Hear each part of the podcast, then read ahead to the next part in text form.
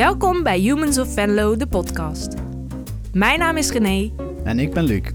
Sinds 2016 gaat Humans of Venlo elke week de straat op op zoek naar bijzondere ontmoetingen. Alle gesprekken leggen we vast en delen we op onze website en social media kanalen. In deze podcast pakken we het net iets anders aan. We nodigen Venlonaren met een bijzonder verhaal uit in de studio van Omroep Venlo en gaan verder de diepte in. Ieder mens heeft een eigen verhaal en Humans of Venlo legt ze voor je vast. Vandaag luister je naar het verhaal van Henk de Groot. Van alle gezichten die je in het straatbeeld van Venlo kunt tegenkomen, is Henk er één. Henk werd 40 jaar geleden geboren in de Vossener en ging na de MAVO het leger in. Hij ging twee keer op uitzending. In 1998 naar Cyprus en in 2001 naar Bosnië-Herzegovina.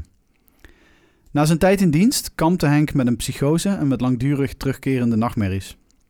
Steeds probeerde hij ook professioneel de draad weer op te pikken. En na een succesvolle EMDR-behandeling werkt hij sindsdien op therapeutische basis als postbezorger. Welkom Henk. Hoi. Henk, Ja. jij, jij, bent, jij bent 15. Ja. Ehm, nu niet, Nee, Eh, maar je was een keer 15. Ja. Ehm, neem ons eens even mee naar, naar dat moment. Jouw, jouw vader die, die zegt tegen jou ehm, rond die tijd... Mhm. Misschien moet je het leger in. Nou, dat, eh, klopt. Hij, eh, hij, hij zat bij de Natrus, dat is de Nationale Reserve. En eh, dan ging hij dus eh, in het weekend ja, soldaatjes spelen, zei ik altijd. Maar het was wel serieus. En ehm, ja, zodoende ben ik een beetje in aanraking gekomen met, de met de landmacht en eh, defensie. En, eh, ja, het bleek eigenlijk al heel snel dat ik dat wel leuk vond. En eh, ja, de keuzes om te studeren, die waren er eigenlijk ook niet echt. Want technische school vond ik wel interessant, de MTS. Maar ehm, ja, ik zag mezelf toch niet in de, in de schoolbanken zitten. Dat En je had dus geen last van een vader die, die dat juist geen goed idee vond om naar Defensie Nee, te gaan. helemaal niet. Nee, nee. Die vond het eh, wel prima. Die dacht van dat, dat, dat heeft hij nodig. Een beetje structuur en ehm, ja, een beetje vastigheid. En ehm, nou, dat klopt ook later, dat, eh, dat ik dat nodig had. En eh, wat gebeurt er dan allemaal? Want jij, een, een paar jaar later sta jij vervolgens eh, eh, in, in het buitenland eh, te dienen als, als militair. Wat, wat, daar zitten een heleboel stappen tussen in een, in een hele korte tijd. Ja, klopt. Ik heb ook nog een jaartje eerst gewerkt eh, nadat ik eh, van school afkwam. Want mijn ouders zeiden gewoon duidelijk van... ja, het is of werken of eh, studeren. Maar een van de twee gaat niet op de bank liggen. Dus nou, dat, toen heb ik maar in een fabriek gewerkt. Heel veel nachtwerk gedaan. En eh, toen ik daar zei van... eh, ik zeg, ik ga het leger in. Toen zei ze oh, dat hadden we helemaal niet gewild. En we wilden je wel een vast contract aanbieden. En ja, nou ja, daar kom je nou mee, zei ik dan. Eh, dus... Nee, nee, het leger werd het. En ja, dan, dan ga je de opleiding in. Hè. Dan, dan, dan wordt het echt serieus, ja, serieus, aan jezelf werken. In een half jaar tijd kom je jezelf wel een paar keer tegen. En hoe, hoe ziet zo'n opleiding eruit? Want ik ken, ik ken zelf een paar toch ook best serieuze kerels. Die zijn gewoon afgewezen daarvoor. Ja, ja nee, ik, ben ook, eh, ik wilde eerst naar de mariniers. Dat, eh, dat was eigenlijk de bedoeling. Eh dan ben ik op mijn 17 al naartoe gegaan om, om te keuren. Maar dat, dan zeiden ze van, ja, je hebt nog niet veel groepservaringen. Want omdat ik op zwemmen zat in plaats van op voetbal bijvoorbeeld. Ja, dan dat vonden ze minder interessant. En eh, ze hadden sowieso heel veel aanbod eh, in die tijd. Dus ze konden kiezen wat ze wilden. Ik was ook een beetje te jong, zei ze. En, eh, nou, hij zegt van, je kan ook bij de landmacht nog proberen. Helaas heb ik toen mijn enkel uit de kom gehad. En ja, moest dat even een halfjaartje wachten. En, maar toen ben ik naar de luchtmobiele brigade gedaan, gegaan. En ja, daar komt toch wel een goede keuring van eh, aan vooraf. En eh, inderdaad, niet iedereen komt daardoor. En dan komt nog de, de opleiding en die is behoorlijk zwaar. Ehm, Waarom kom jij wel door die keuring? Ik denk vanwege mijn eh, ja, fysieke kracht, hè, van, vanwege het zwemmen. Ik denk dat ik daar, ja, dat, daar heb ik veel, ja, veel conditie mee opgebouwd. Dus dat zat wel goed, ja. Ja, en een beetje doorzettingsvermogen, dat heb je wel nodig. Dus eh, als je dat niet hebt, dan moet je het leger niet ingaan. En als je dan door zo'n keuring bent gekomen, eh, dan krijg je te horen, nou, je, je, eh, je mag door, zeg maar. Ja, ja. Hoe ziet dan zo'n eerste dag eruit? ja heel spannend. Is echt heel spannend. Wat, wat ga je doen? Eh, je gaat gewoon dag? je kleren halen bijvoorbeeld. Nou, en dat, is, eh, dat zijn, zijn vier of vijf plunjebalen vol met kleren. Je krijgt een grote rugzak bij. Daar moet alles eigenlijk in passen. Nou, dat, dat gaat natuurlijk niet. Je, je moet een selectie, eh, selectie maken. Maar dat komt heel nauw, hè, want je moet alles op, je, op je rug meedragen. En eigenlijk zes maanden lang is je rugzak is je huis. Hè? Dus je neemt ook geen tent mee, je neemt een zeiltje mee, omdat dat gewoon minder, eh, minder zwaar is. En, Is eh, dat, is dat tegenwoordig dan geen oneindige luxe dat, dat, dat je huis geen rugzak meer is? Ja, ja, enorm. Ja, ja, dat, eh, ja, dat, het, went, eh, het went snel, moet ik zeggen. ja, ja. Ook wel weer. ja, jawel, jawel. En Maar, eh, ja, sorry. op zo'n eerste dag word je dan ook geïntroduceerd in een groep? Ja, ja, ja. ja je en wat eh, voor mensen waren dat dan? eh, je komt er ongeveer met 100 mensen kom je, eh, gezamenlijk op. En uiteindelijk blijven daar maar 30 van over. Dus eh, eigenlijk worden de groepen ook steeds kleiner. En dan worden er een paar van die weggehaald. En daar in, de Alpha of in de Bravo of in de Charlie groep gegooid. Of, dus om het, en als dat steeds kleiner wordt. eigenlijk is een groep elke keer 10 man. Dus En, en klopt dat cliché ook dat die, die 30 mensen waar jij het over hebt, ja, of die 10 eigenlijk, ja. eh, zijn dat mensen die jij allemaal nog steeds eh, zo in je hoofd kunt uittekenen? Eh, qua karakter wel. Ik zou, ik zou de namen er even niet meer bij weten. Maar ik weet met die jongens heb ik een hoop meegemaakt. En daar zou ik mee, mee op uitzending willen of zo. Hè, nog een keer. Of, maar dat is, dat is ook het vreemde in het leger. De mensen met wie je in de opleiding zit, is niet, eh, eh, is, niet zeker dat je met die mensen ook op uitzending gaat. Eh, want die kunnen bij andere eenheden geplaatst worden of, of een andere functie nemen. En, en dat, dat vond ik wel jammer eigenlijk. Want dan heb je dus een half jaar echt een band opgebouwd met die jongens. Ja, en dan moet je weer even je draai vinden in een nieuw, in een nieuw peloton. En waarom is dat? Eh, je krijgt ook een andere functie, dus je gaat heel anders denken. Eh, je wordt opgeleid als infanterist en dan doe je eigenlijk alleen maar ja, schieten en eh, ja, patrouilleren en noem maar wat. dat doe je dan samen. En, Mhm. ehm, eh, en als je dan paraat komt, zo heet dat dan, dus als je te werk gesteld wordt, dan, ja, dan leer je mensen op een wat, wat professionelere manier kennen en niet, zo, niet zozeer meer die band die je hebt, eh, hebt opgebouwd. Maar je krijgt een andere band. Dus. En met die jongens ga je dan op uitzending. Dat is, dat is natuurlijk ook, dat schept ook weer een andere band. En denk je op het moment dat je ehm, bijna op uitzending gaat van ik, ik heb eigenlijk al een heleboel meegemaakt of begint het dan Nee, eindelijk? Nee, je voelt je echt een, een groentje. Dus je denkt van, nou ja, ik volg maar gewoon eh, iedereen en ik, eh, ik doe maar gewoon mijn best. En eh, dat was ook bijvoorbeeld mijn eerste uitzending kwam ik echt van een koude kermis thuis. Want ik was nog nooit echt lang weg geweest van huis. Dus ik kreeg echt heimwee. En ik weet niet, de eerste twee weken van de uitzending eh, voelde ik me zo slecht dat ik dacht van, is dit nou waar ik voor gekozen heb? Is dit nou wat ik wilde gaan doen in mijn leven? En eh, nou, een goede, goede groepscommandant van me, die, eh, die heeft me daar doorheen gesleept.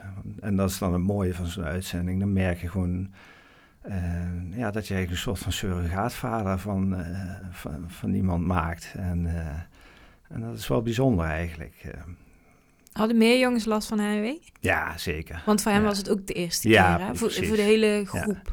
Ja, voor de meeste. Ja. Ja. Sommigen waren al wat, eh wat ouder. Die hadden al bijvoorbeeld wat, wat andere uitzendingen gehad. Of dus die Mhm. hadden dat, eh, ja, die waren al gewend. Maar eh, ja, nee, voor mij was het, was, was het nieuw. Mhm. Ja. En waar praat je dan over met elkaar? Of is het überhaupt bespreekbaar dat je last hebt Jawel, van, van jawel. heimwee? Ja, ja. Ja, want je... Ja, Je hoeft je niet groot te je. Nee, want je draait ook diensten met elkaar. Hè? Dus eh, Mhm. je, je praat sowieso veel met elkaar. En eh, je gaat op patrouille met elkaar. En dan zit je, zit je wel eens uren eh, ja, gewoon op elkaars lip. En, eh, ja, dan, dan komt er vanzelf wel wat uit. En wat is me-time in het, in het leger? Is er eigenlijk niet. Nee, nee. Dat is eigenlijk eh, pas als je op verlof gaat. Als je naar huis toe gaat. Dan, eh, in zes maanden tijd krijg je, ik geloof, wat was het, twee weken verlof. En dan mag je dan zelf kiezen wanneer. En, ik, ik koos het precies in het midden. Dat leek me wel het, het fijnste. En, maar dat is dan me-time. Ja, tijdens je uitzending? Ja, tijdens de uitzending word je gewoon teruggevlogen. Oké, dan mag je gewoon naar huis mag gewoon naar huis, Oké. Ja. Hmm. Dus dat is wel prettig. En hoe vaak ben jij thuis geweest tijdens uitzendingen? Uh, ja, één keer maar. Hè. Dus uh, je krijgt maar één keer twee weken en dan, uh, dan is het voorbij. Ja. En dan, dan mag je weer. maar je zit dus ook bijvoorbeeld met kerst of met nieuwjaar zit je daar. Ja, dat kan je niet uitkiezen. Dat, toen had je nog geen Skype? Uh, matig, matig. Dat was, uh, was nog moeilijk. Ik weet nog, uh, in Cyprus weet ik dat Defensie zelf een soort van Skype had ontwikkeld. En dat was bijzonder. Alleen dat hadden ze dan niet slim gedaan, want uh, ze lieten dus één persoon praten met een, met een hele uh, aula vol met, met, ja, vrienden en familie. En, ja, dat was niet zo slim, dus iedereen liet zijn nieuwe tattoos zien. En, het was wel grappig, want ik kwam in beeld en mijn moeder zei gelijk, je hebt toch geen tattoo? nee, nee, nee, nee, ja, toen nog niet. Dus, en dat was wel geinig. Maar uh, ja, toen in Bosnië, daar, daar, was het internet kwam wel een beetje op. Uh, een beetje 2001 zo. Hmm. En uh, toen werd het MSN, geloof ik, uh, populair. Oh ja, chatten. Ja, ja, ja. Chatten. Dus dat deed ik wel. Maar um, ja, voor de rest heb je eigenlijk niet zoveel contact met het thuisfront. Nee. nee. En wat was precies je opdracht in Cyprus, jouw eerste uitzending? Uh, Cyprus was eigenlijk, uh, ja, wat ik, wat ik er zelf van vind, uh, het was een soort van uitprobeermissie voor, voor Nederland. Want we hadden een beetje, een beetje we hadden flink de, de plank misgeslagen in Bosnië. En ja, kun, je dat, kun je dat kort even uitleggen als je wilt? Uh, je bedoelt uh, over Srebrenica bijvoorbeeld. Ja. ja. Ja. voor de mensen die dat uh, Ja, weten. Ik, ik weet niet of ik goed de details kan, kan vertellen, maar ehm, ja, in de enclave Srebrenica is een massa, ja, massa's mensen vernietigd eigenlijk gewoon. een beetje zoals we dat nog kennen van de jodenvervolging.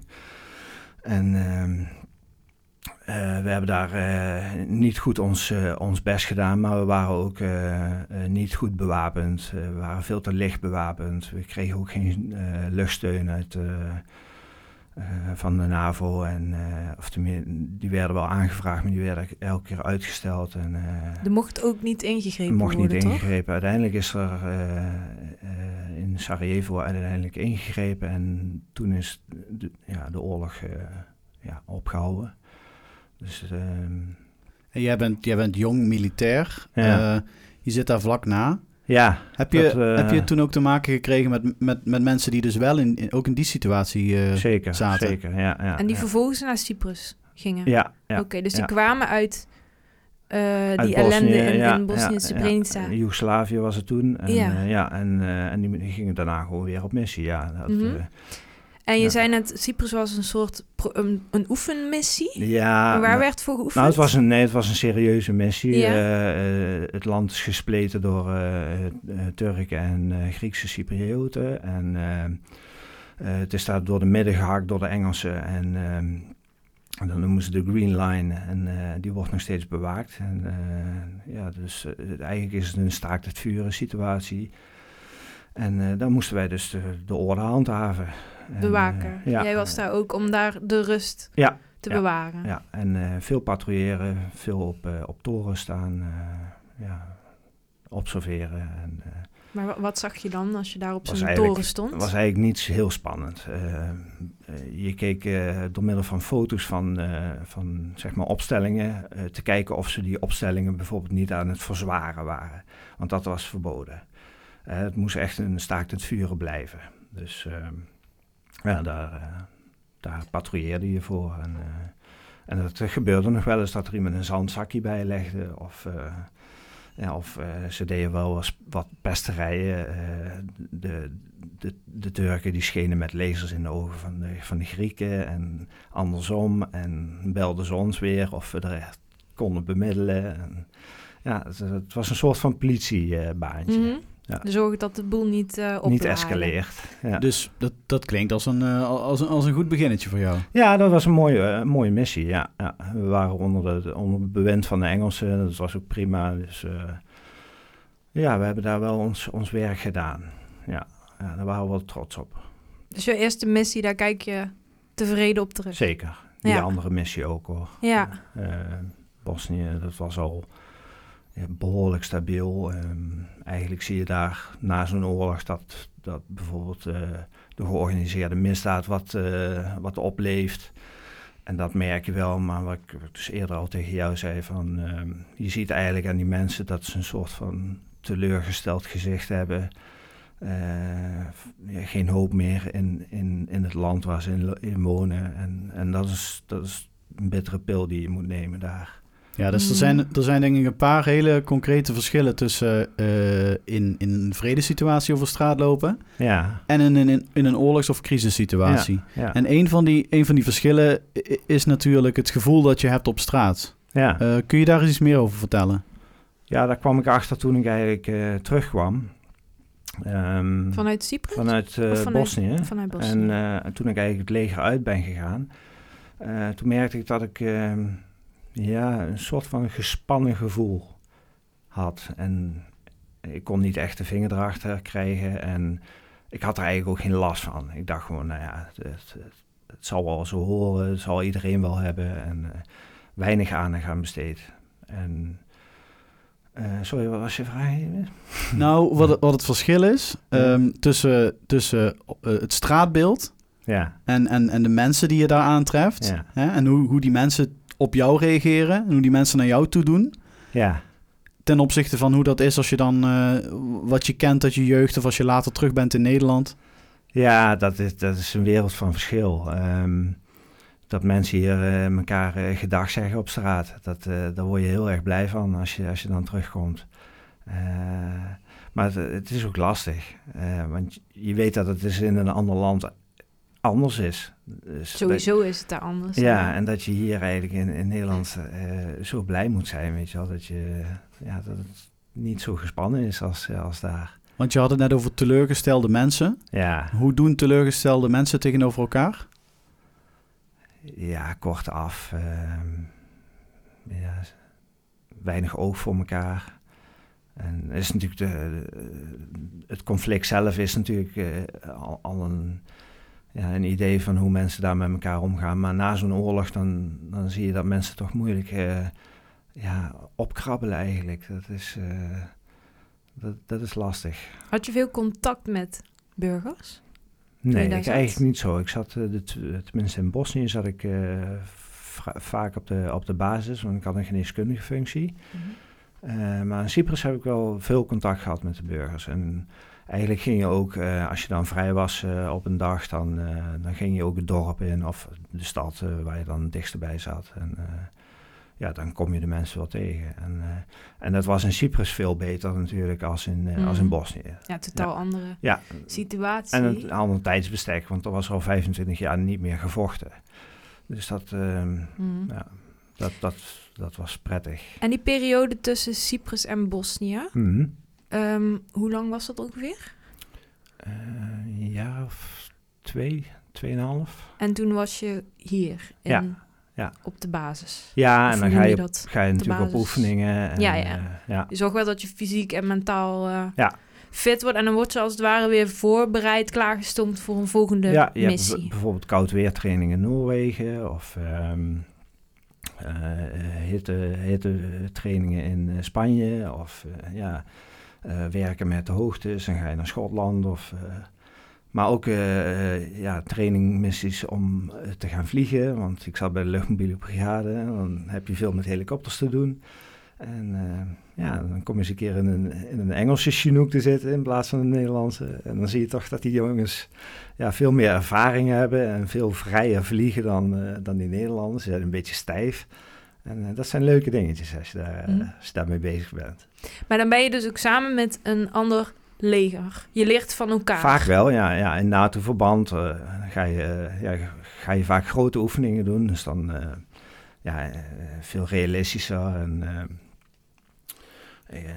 ja, je moet ook natuurlijk in uitzendgebieden met elkaar werken. Dus je moet elkaar toch een beetje aanvoelen. En ja, dat wordt wel opgetraind. Ja. En ook met communicatie natuurlijk is belangrijk. Mm. Ja. Oké. En uh, in die periode, um, die twee jaar voor Bosnië, werd je klaargestoomd om daarheen te gaan? Wist je al vanaf, ja, hoe is die periode dat je, dat je weet, oké, okay, ik ga straks op die datum, ga ik met een groep naar Bosnië toe? Ja, dat was om uh, bijvoorbeeld Cyprus uh, als voorbeeld te nemen. Dat, uh, ik weet dat ik toen ik paraat kwam, dat is het eerste eigenlijk wat ze zeiden, was binnen een half jaar gaan jullie op uitzending. Dus dat, dat hoor je wel vrij snel. Maar weet je dan ook al waar naartoe of weet je ja, alleen weet dat je, je op uitzending... Ja, okay. ja.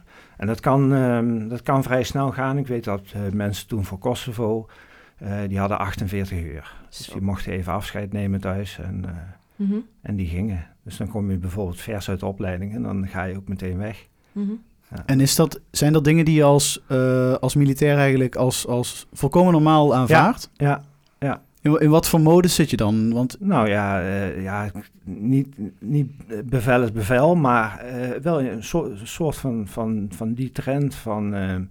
Je, bent, je, je, hebt gekozen om professioneel het leger in te gaan. Hè. Er was geen dienstplicht meer, dus je stond vrij om, om, om niet de dienst in te gaan. Dus ja, dan, dan kies je daarvoor en dan, ja, bek houden dan, ja. Voel je dan niet constant de druk? Dat je weet van, oh, kan elk moment een bericht... Ik weet niet of ze dan bellen of mailen. Krijg je, elk, je kunt elk moment een bericht krijgen Ja, van, ze konden bellen en... Uh, je moet paraat staan en dan ga je. Ja, nee, nee. Zit je ja, daar de hele tijd op te wachten? Nee, ik, ik denk dat dat... Dat merk je nog niet. Nee, dat die spanning er is. Dat merkte ik wel op een gegeven moment toen, um, toen Irak eraan zat te komen. Uh, dat hadden we dan gewoon via het nieuws vernomen. En daar had ik eigenlijk al gelijk een slecht gevoel bij. En, uh, en toen kreeg ik eigenlijk ook gewetensbezwaren. Dus, mm -hmm. uh, ja. Oké. Okay. Wil je daar wat dieper op ingaan? Um, nou, dat is um, eigenlijk de laatste periode heb ik bij de, um, bij de panzerinfanterie gezeten in Oorschot. En daar uh, had ik ook een geneeskundige rol. En ja, ik, ik dacht van, als we dan in Irak gaan, dat wordt echt een oorlog. Tenminste, echt een oorlog als in er wordt geschoten en uh, er kunnen gewonden gevallen en vooral bermbommen en dergelijke. En ik dacht, dan kom ik er als geneeskundige, kom ik daar volop in te zitten. En ik voelde op, op dat moment voelde ik me niet meer 100%, dus niet meer scherp genoeg. Uh, dus ik kreeg eigenlijk al, al klachten. Ja. en is dat, is dat dan iets wat die situatie in Irak specifiek opriep? Of is er iets daarvoor gebeurd waardoor jij op de een of andere manier een beetje uit, uit de baan geslingerd bent? Ja, dat, dat is een, uh, eigenlijk in het begin al gebeurd toen ik, uh, toen ik bij Luchtmobiel kwam. Toen hebben we een oefening in, uh, in Noorwegen gehad. En er was een koudweertraining en we waren onderweg naar de skibaan ja, om te leren skiën. met een hoop vrachtwagens en een stuk of vijf of zo. En dus die zaten nog vol met ja, een stuk of twintig man. Die waren onderweg. Dus ook naar die, naar die skipiste. En de vrachtwagen achter ons, die is ravijn ingereden. En er zijn toen twee doden gevallen. Ehm, dus wij zijn meteen gestopt. Er werd ook om hulp geroepen. En dat is meteen toegepast. En uh, helaas voor die twee jongens te laat. Uh, en wat me daarvan bijstaat, uh, is dat ik daar langs kwam en ja, de ravage zag. Hè, en ja, dat, dat beeld, dat bleef me bijstaan. En eigenlijk was het rare, iedereen om ons heen, die zei van ja, dat is pech voor die jongens, maar ja, we moeten door. Die waren eigenlijk heel erg stoer en volwassen. En ik merkte dat ik eigenlijk de enige was die daar toch een beetje ja, moeite mee had. En ik vond het zelfs een beetje raar dat andere mensen daar geen moeite mee hadden. Mm. Was je daarop berekend dat eh, als je, als je het leger ingaat, dan, ja. dan ga je er natuurlijk... Je houdt er rekening mee dat iets kan gebeuren. Ja. ja, maar daar in oorlogssituatie, maar niet tijdens nee, een oefening. Nee, daar had ik geen rekening mee gehouden. Nee.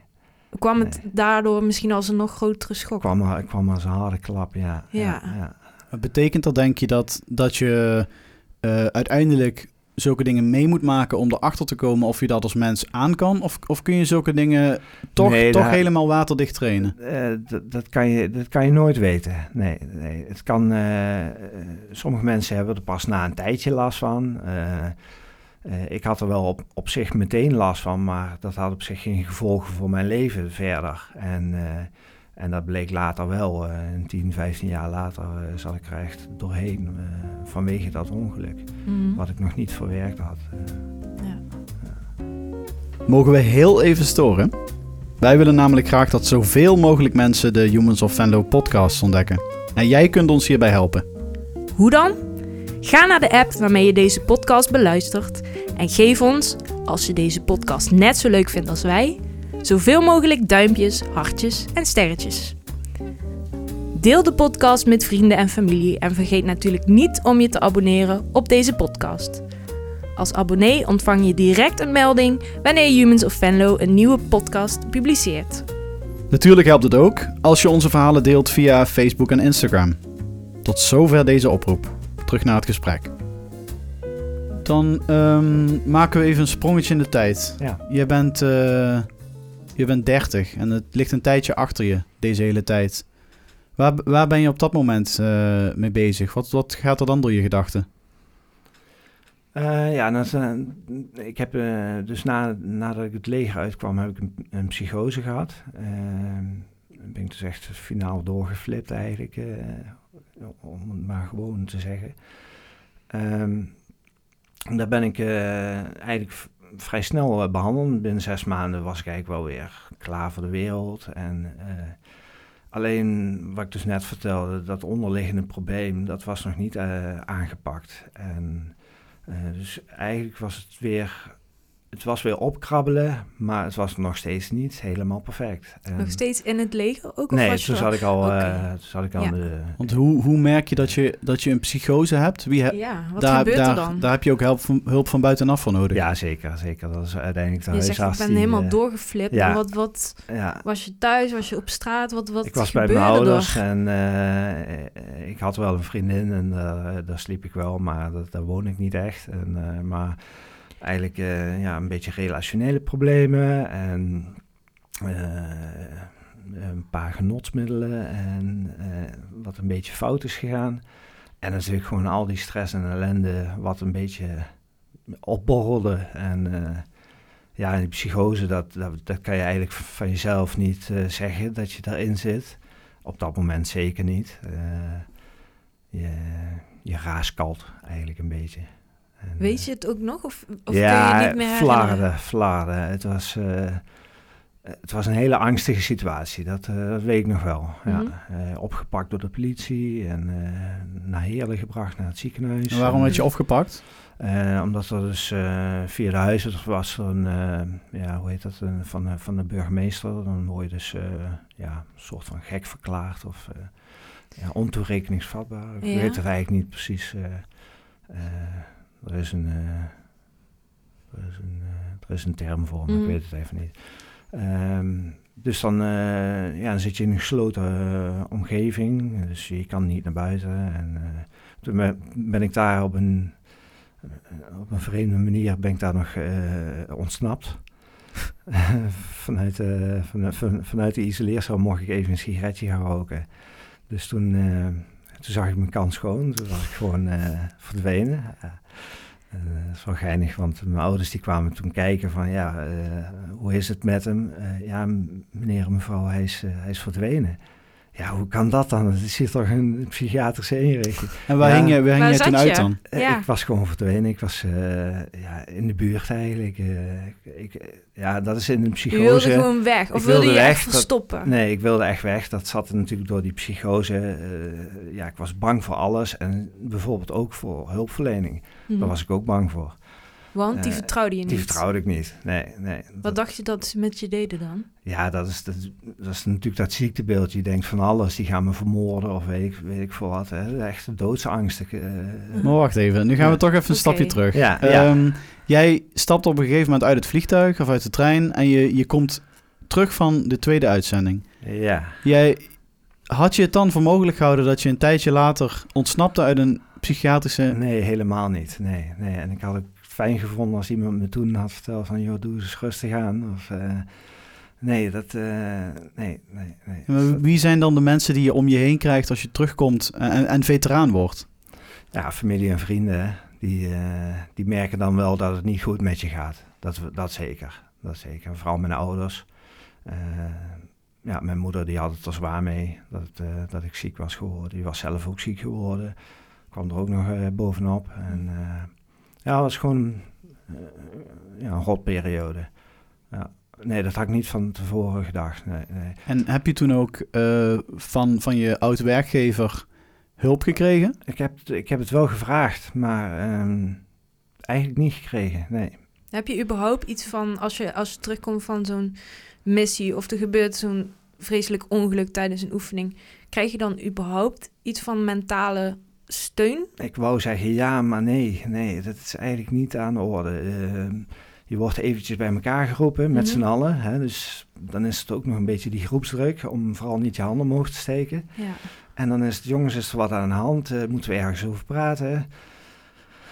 Nee, dat doe je dan niet. Mhm. En ja, en dat is dan achteraf bekeken niet zo slim. Maar, Is dat ook een beetje een, ehm, een cultuurdingetje Ja, in het leger? ja, ja, ja. Mannen, vooral veel mannen onder elkaar, Ja. die zichzelf allemaal groot willen houden. Ja, Terwijl Zeker. iedereen onder, onderhuid, zeg maar, voel je wel een bepaalde tuurlijk. Ja, spanning. Ja, Ja, want het doet wat met ieder, je ieder natuurlijk. mens doet, het, doet wel iets met je Ja. als je zoiets meemaakt. Of, eh, dus eh, echt van, van, van die koude mensen, die waren er niet. Eh, Mhm. Iedereen had wel ergens last van. eh. Denk je dat het, dat, denk je dat het anders kan? Of, of is dat groothouden ook ergens Misschien is nodig? het al Nou, anders. het is anders. Het is anders geworden. Ja, het is beter geworden. Alleen eh, toen ik terugkwam, dus, dus dan ben je dus geen militair meer. En dan kom je ja, in een ander traject. En dan heb je wel hulpverleners die dan bij je thuiskomen. En, eh, maar deze hulpverlener, ja, ik geloof daar in alles. Eh, dus ja, eh, zei ze van, ja, je hebt geen PTSS. En eh, dus, dus gaan, we, gaan we verder niks doen. Mhm. En dus dat heb ik toen ook maar geslikt. En zij was vanuit het leger. Zij was vanuit het leger Gestuurd, mij, ja. mij komen helpen. Mhm. Ja. En, eh, ze heeft me toen wel met een aantal dingen geholpen, als een uitkering of iets dergelijks. Mhm. om daar even op gesprek te gaan. Dus Mhm. kleine dingetjes. Ja. En een beetje maatschappelijk werk deze. Ja. Eh, maar eh, nee, verder wel de tip gegeven, misschien toch even weer naar de GGZ te gaan.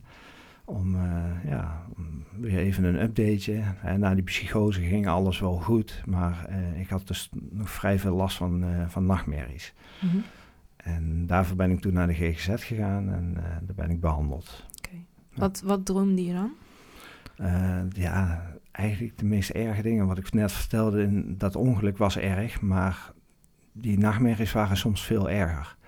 Eh, om ze mee te maken, om ze, dat ging vaak om dood of om... eh, Dus die nachtmerries waren erger om mee te maken, eigenlijk om wel, te dromen, Ja, dan, ja. om, dan om te herleven wat je echt hebt meegemaakt. Ja, ja, want dat kwam er ook nog tussendoor. Af en toe zag je gewoon die beelden weer. En ja, dat was een stukje eh, wat ik overdag eigenlijk een beetje wegmoffelde. Waar ik eigenlijk geen last van had. Behalve dat ik me op straat niet erg lekker, eh, lekker veilig voelde. Maar ja, dat, dat ging dan wel. Maar s- s'nachts kwam het er wel uit, ja. En probeer eens even terug te gaan naar een van die, van die zwartste dagen. Dan, je, je wordt dan veel te vroeg wakker uit, een, uit Ja. een hele erge droom. En hoe ziet de rest van jouw dag er dan uit, een jaar of tien geleden? ongeveer een uur of vier, hooguit vijf, eh, word je wakker. En ehm, je moet indenken dat je dan zoveel adrenaline in je lijf hebt van die angsten. Ja, dat, dat, lukt gewoon niet meer om dan in slaap te komen. Dus ehm, ja, die dag daarna, of, ja, of die dag die erop volgt, die is niks waard. Dan, dan, dan overleef je. En werkte je toen in die tijd? Eh, af en aan, af en aan, eh, elke keer.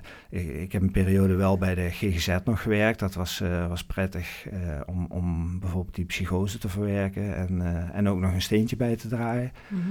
Maar ehm, eh, eigenlijk een beetje af en aan, ja, met, met werk. Het was moeilijk. Mhm. Het was moeilijk om, om iets vol te houden. En hoe ben je uiteindelijk ehm, van die nachtmerries afgekomen?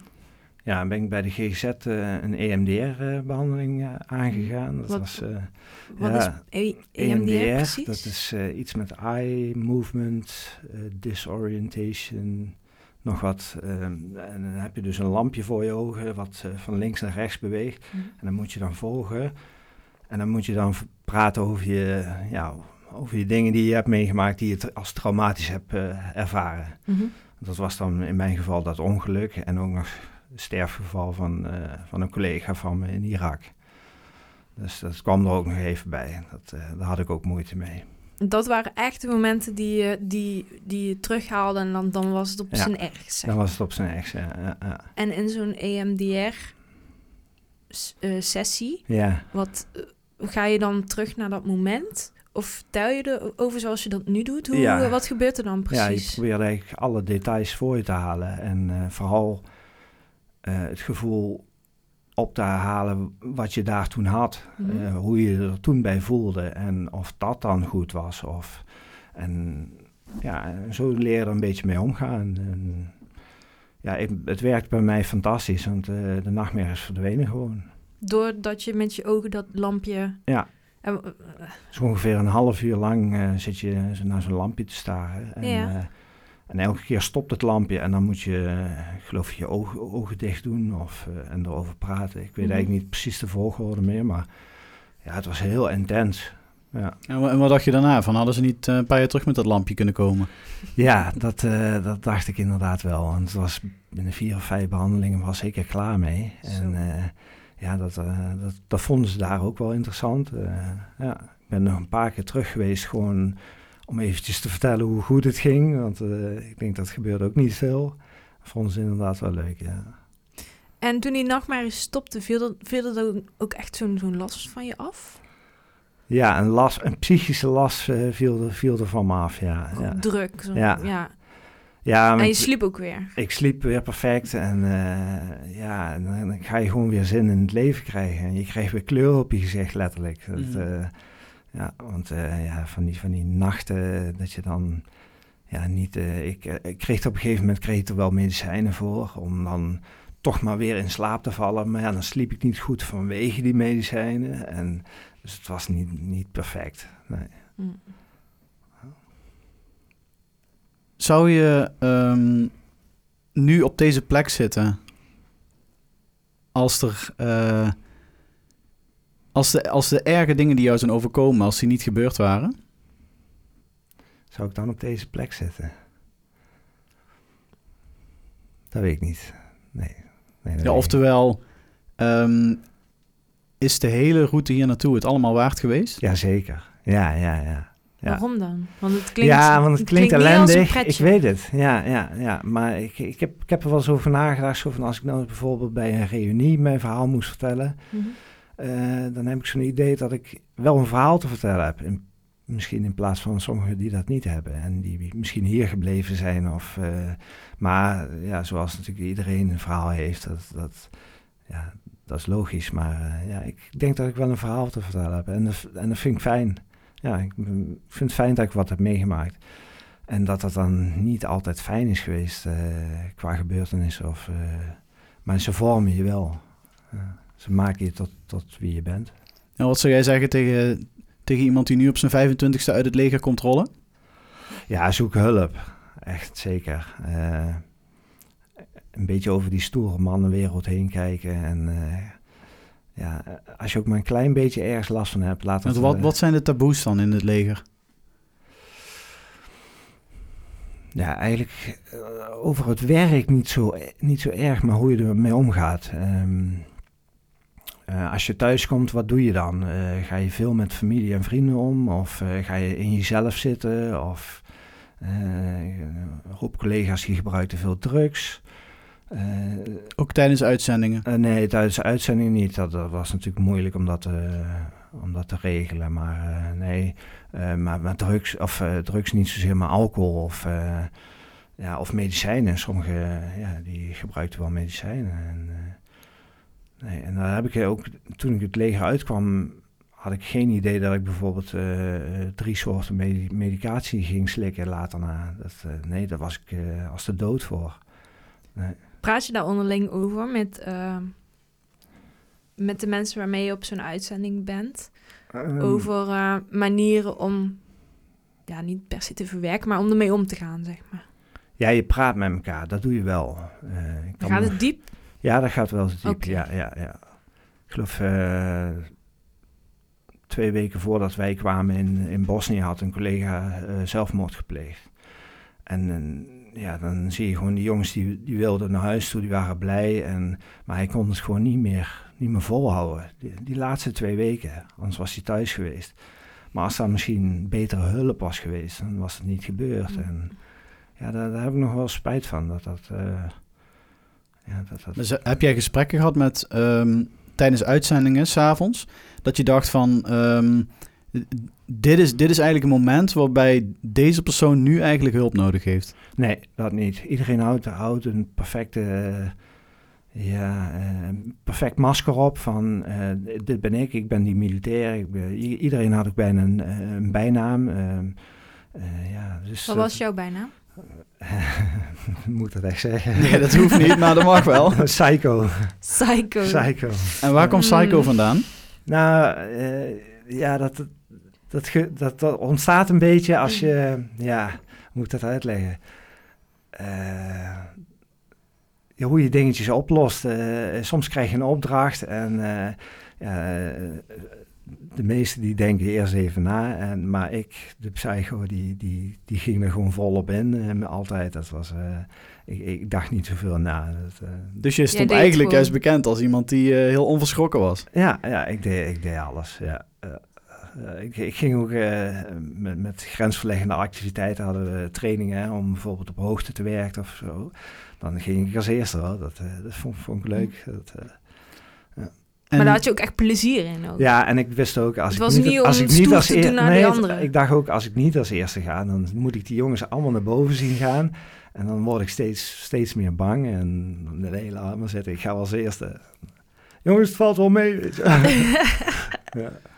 Um, hoe ben jij omgegaan met uh, het moment dat je er dus achter kwam? Ik, ik ben helemaal niet zo'n psycho. Ik, ik, ik heb eigenlijk ik ben gewoon. Niet die stoer, ik heb wel, ik heb wel een breekpunt. Uh, ja. heeft, dat, heeft, dat lang, heeft dat lang geduurd voordat je daar vrede mee had? Het heeft heel lang geduurd. Dat is, uh, is kort geleden, drie, vier jaar geleden. Eigenlijk na die EMDR-behandeling, dat ik me weer mezelf ging voelen. En dat ik ook weer trots was op wat ik allemaal had meegemaakt. En ja, hoe, hoe ik mezelf in die situatie gered heb, ja, dat, dat petje af.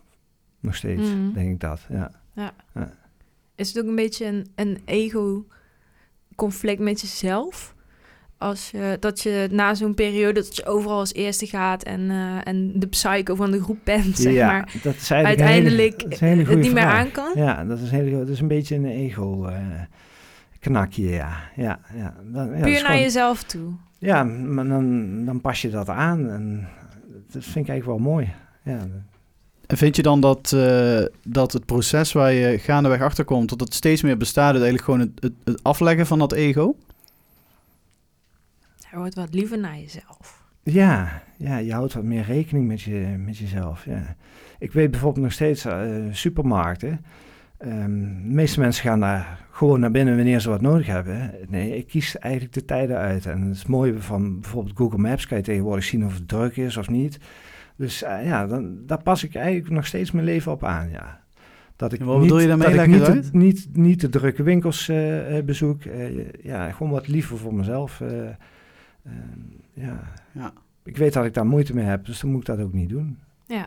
Dus je zoekt ook situaties uit op ehm, dat ze prettig voor jezelf zijn. Ja, niet meer, niet meer die, eh Je die adrenaline Ja, je gaat niet meer was. die situaties Nee, opzoeken nee, juist om jezelf een soort van te testen of zo. Nee, nee, klopt. Nee, Hmm. nee. nee dat, dat, dat komt door die behandeling. En, Oké. ja, dan voel je gewoon wat, wat eh, zekerder. Heb je het gevoel dat die hele periode nu echt achter je ligt? Ja. Ja, Het is een soort afsluiting ja geweest. En dan was wat die ik net zei, EMDR. drie, vier ja. jaar geleden. Ja. Toen begon het allemaal, toen ben ik ook weer aan het werk gegaan. En eh, wel- weliswaar op therapeutische basis, maar ja, het is toch fijn om gewoon eh, elke dag iets te doen te hebben. Wat doe je? Ik ben postbezorger bij PostNL. Hmm. Oké, en dat doe je ook nog steeds op therapeutische basis? Nou ja, dat noem, ik het zelf, maar eh, het UWV eh, heeft me voor, voor de helft afgekeurd. En eh, dus alles wat ik meer werk als de helft, dat, eh, dat vinden ze prima. Of eh, tot aan de helft, zeg maar. Dus, eh, Mhm. En dat, eh, dat, dat vind ik leuk. Ik vind het leuk werk met het post. Ehm, betekent dat ook dat er, dat er meer ruimte in je hoofd is nu om weer over nieuwe ni- dingen na te denken? Ja, en anders zou ik dat ook niet kunnen. Eh, eigenlijk, eh, ik, ik- hou bijvoorbeeld van vroeg opstaan. Ja, eh, dan... Er is, er is weer ruimte in je Er hoofd. is veel ruimte in Ja. mijn hoofd. Ja, ja. Wat ja. is er anders? Ja, wat positiever. Ja, ja, niet meer zo doemdenken. Ja. Er is ook weer ruimte voor leuke dingen. ja, ja. Of spontane dingen. Of is dat ook nog steeds een Nou beetje ja, ik, ik ging nog wel veel uit eh, vroeger, maar dat is eigenlijk wat minder geworden. Eh, dus als ik dan een keer ga, dan, eh, dan geniet ik wel des te meer. Ehm, maar ja, je merkt ook dat je wat ouder wordt, dus dat je ja, daar wel, wel wat meer moeite mee krijgt. ja. Dus, Heb je veel contact met ehm, mensen waarmee je dus zo'n missie hebt gedaan? ik heb nog eh, één, eh, één goede vriend en eh, die zie ik eigenlijk elke maand wel. Ja. En die woont ook in de buurt? Die woont in Eindhoven. En die andere mensen van zo'n groep? Nee, eigenlijk niemand meer. Nee, ik heb er nog een paar op Facebook, geloof ik. Eh, ja, die- ja, je weet hoe dat is met Facebook. Vrienden, die spreken je vaak niet, eh, niet veel. Eh, dus, maar ja, dat, dat je nog contact hebt, dat is wel leuk. Ja. Eh, ik heb één collega die belt eh, elk jaar. eh, net voor de kerst belt hij altijd eventjes. Maakt die een rondje? Ja, maakt hij een rondje en dan sta ik blijkbaar nog steeds op zijn lijst. Dus, eh, Ja, want dat is ook iets wat ik, wat ik nog even wil vragen. Mhm. Ehm, die, die, die kameraadschap in het leger, Ja. man of vrouw, dat maakt niet uit. ja. Dat is iets wat, wat mensen van buiten natuurlijk ook niet kennen. Nee, en gek genoeg heb ik dat toch bij de post weer gevonden. Ja, die, diezelfde kameraadschap. Hè? Dat, eh, ja, je, je- gaat door weer een wind met z'n Dat is ook allen. een soort missie. Het is ook een soort missie, de post eh, bezorgen. Ja, ja, ja. Nee, dat merk ik wel, dat je eh, dingen voor elkaar over hebt. En, eh, Dus dat er in het leger iets, iets essentieel anders gebeurt, dat is een beetje een mythe. ja, ja, ja, ja, tuurlijk gebeurt dat in, in, in de maatschappij ook. Ja, ja. En Ja. denk je dan soms niet, oh, had ik toch maar die MTS gedaan? Nee, Nee, dat niet. Nee, nee want ik, ik vind het nog steeds erg leuk. Ik, eh, ik heb er gewoon mijn hobby van gemaakt. Eh, Ik ben eigenlijk altijd met computers bezig. eh, of met smartphones tegenwoordig, dat is ook wel interessant.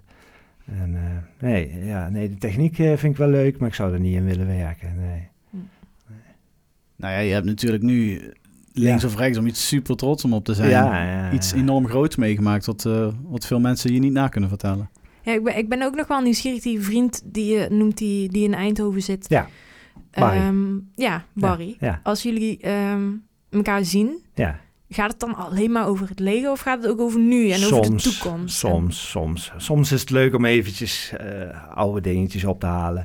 Maar eigenlijk meestal niet. En Dus hou je ook nog steeds bezig met, eh, met recente ontwikkelingen? Ja, stu- tuurlijk. Ja, ja, ja, ja, ja. Je houdt gewoon de, de politiek eh, in de wereld in de gaten. Dat, dat, zit, dat zit wel in je, ja. Je wil wel weten wat er speelt. Mhm. Ja. En, en daar hebben jij en Barry het dan ook over? Ja, zeker. Ja, ja. ja en dan verschil je wel zijn mening. Ja, tuurlijk. Maar eh, het mooie is dan dat we ook altijd kunnen zeggen... nou ja, maar wij hoeven niet meer. Dus eh, ja, dat is, dat is ook wel prettig als je dat beseft. Dat je dus... eh, Dat is een fijn gevoel van je hebt je, je plicht Ik heb mijn gedaan. plicht gedaan, ja, ja, ja, ja. En wat voor ontwikkelingen spelen er nu die je volgt waarvan je denkt... jongens, misschien moeten we dit anders doen? Ja, de Oekraïne, dat vind ik toch, eh, vind ik toch een enge, eh, enge situatie. Ja. Eh, met natuurlijk Rusland die erachter zit eh, en, en het Westen die daar tegenaan kijkt. Ja, hoe ga je daarmee om? Hè? Ja, dat is lastig. Ik probeer me er niet eh, mijn dag tot, tot te laten verpesten, maar ja, je, je, mer- je maakt het wel mee. Ja, Mhm. ja, Oké, de laatste foto in het fotoalbum. ja. Ehm, wie staan er op tien over tien jaar allemaal op de foto? Hoe oud ben je dan? Over tien jaar? Dan ben ik 50. 50. Dan, eh, ja, dat is een goede vraag. Jubileumjaar. Nou ja, gewoon mijn er familie en mijn vrienden, ja, als, als die daar zijn. Ja. ja, ik ben niet zo van de feesten houden hoor. Nee, eh, nee ik, ik, ga graag naar een feest toe, maar ik wil niet zelf in de belangs, belangstelling staan. eh. En, en hoe, ziet jouw, hoe ziet jouw ideale viering van je 50ste verjaardag eruit dan? Ah, misschien met collega's of uh, dat die er dan bij zijn. Zou wel leuk zijn. Ja, we zien wel. Verder geen gedoe? Nee, verder geen gedoe, nee. Oké, okay, um, Henk, het, het, uur vloog om. Ja. We, hebben, we, hebben een hele, we hebben een hele bijzondere kennismaking, denk ik, gehad met uh, iemand die ontzettend veel heeft meegemaakt in, uh, in, een, in een korte tijd. Um, we willen je allebei super bedanken. Graag gedaan. Voor het leuke gesprek. En um, ja, we wensen je heel veel uh, succes toe. Dankjewel. In de toekomst. En geluk. En fijn dat het weer goed met je ja, gaat. Dankjewel. Heel fijn. Ja, daar ben ik ook heel blij om. Ja. Heel erg bedankt. Schouders eronder. Je hebt geluisterd naar Humans of Venlo, de podcast. Deze podcast wordt gemaakt door Humans of Venlo, bestaande uit René Oorbans, Tom Spierenburg en Luc Verhaag. Deze podcast wordt gemaakt in samenwerking met Omroep Venlo. Wij danken Gerard Fokkens voor de technische ondersteuning. Abonneer je op deze podcast via je podcast-app en volg Humans of Venlo op Facebook en Instagram voor portretten van spontane ontmoetingen op straat.